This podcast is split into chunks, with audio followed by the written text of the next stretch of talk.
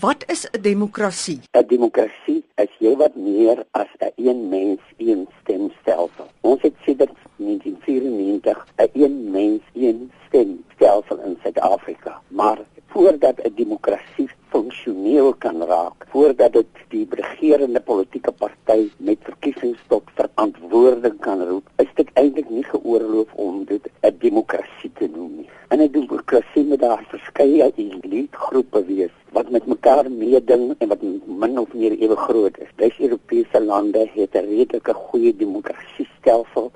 Daar is telkens verwisselings van regerings.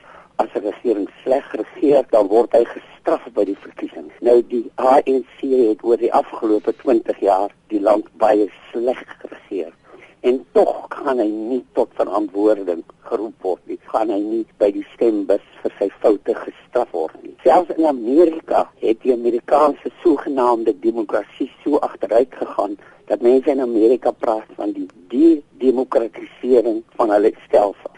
Joseph Stiglitz het in 'n boek wat hy verlede jaar gepubliseer het, sê Amerika het nie meer 'n een, mens een stelsel nie. Amerika het 'n 1 dollar een stemstelsel.